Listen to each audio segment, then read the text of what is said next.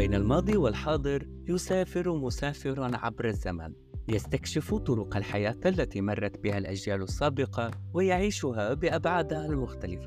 إنه مسير عبر الزمن يجمع بين ماض وحاضر يتراقصان في رقصة لا تعرف الزمن فهو يستطيع تخطي الحواجز الزمنية والوقوف في عتبات الماضي والحاضر معا. يرصد أحداث الماضي ويراوغ تحولات الحاضر ليستعيد ذكريات تناثرت في أجنحة الزمن. عندما يرفع النظر للسماء اللامعة يتذكر ضياء النجوم في الليالي البعيدة. يسمع صدى أصوات الأجداد يمسون في أذنه يروون قصصهم ويحكون عن صعوباتهم وانتصاراتهم. يحمل المسافر عبر الزمن في قلبه تراثا قديما وتجاربا تتجدد في ذاكرته. وفي الحاضر يحتضن المسافر عبر الزمن التقنيات والابتكارات التي شكلت عالمنا الحديث. يشهد تغيرات وتطورات لا حدود لها ويمتلك قدرة فريدة على فهم واستيعاب هذا التغير. يتعلم من الحاضر ويستوحي إلهاما للمستقبل.